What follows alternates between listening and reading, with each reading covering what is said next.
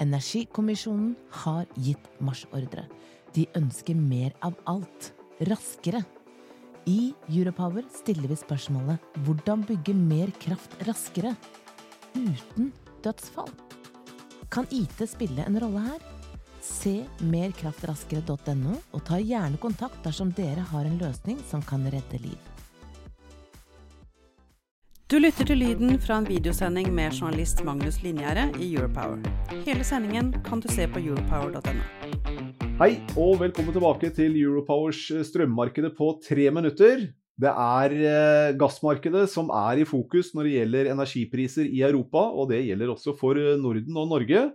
Og streiken nå denne uken, det satte en ytterligere fryktpremie inn i markedet. Nå ble også streiken eh, avblåst innen det hadde gått et døgn, og da tok altså markedet et lite lettelsessukk.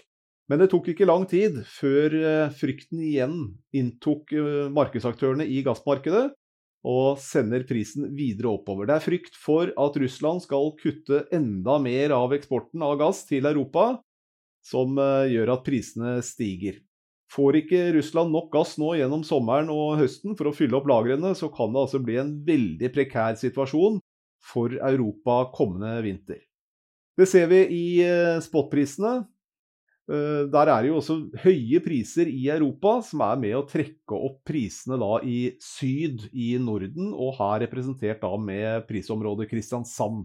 Som da altså er med å følge opp sammen med Tyskland og England, og for så vidt også Danmark og Syd-Sverige.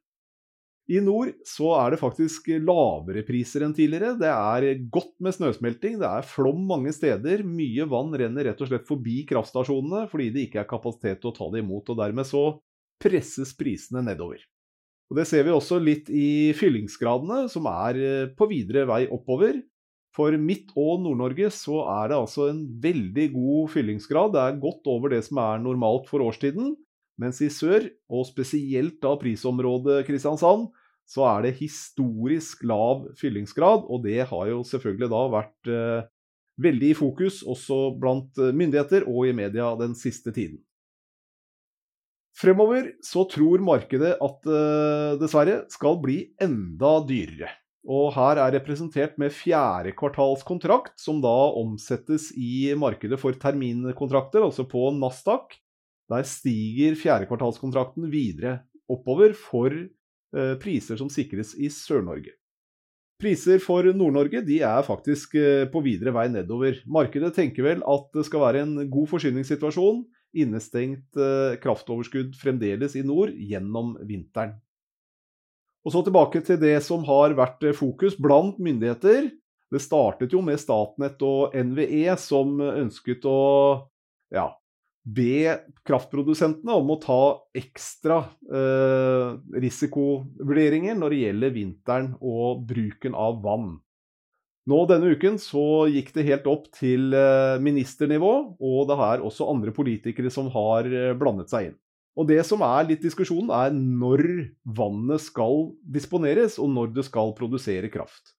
For kraftprodusentene de har et mandat. Det er å maksimere verdien av den ressursen de disponerer. Og spørsmålet er skal de produsere nå, eller skal de produsere senere. For vinteren så er det nok allerede planlagt full produksjon, så der er det ikke plass til å flytte vann, som man kan kalle det. Men det de kan gjøre, er å bruke litt av det vannet som eventuelt skal eh, brukes til våren. Det kan altså brukes nå til å produsere strøm, og det er vel litt sakens kjerne, er at eh, myndighetene ønsker at vi heller skal ha litt for mye vann igjen til våren, enn å kjøre helt ned på marginale nivåer eh, fremover. Dette her kommer nok til å være en debatt som går gjennom sommeren og godt inn i vinteren, så følg med på Europower fremover, og også gjennom sommeren. Takk for oppmerksomheten. Du lytter til lyden fra en videosending med journalist Magnus Linjære i Europower. Hele sendingen kan du se på europower.no.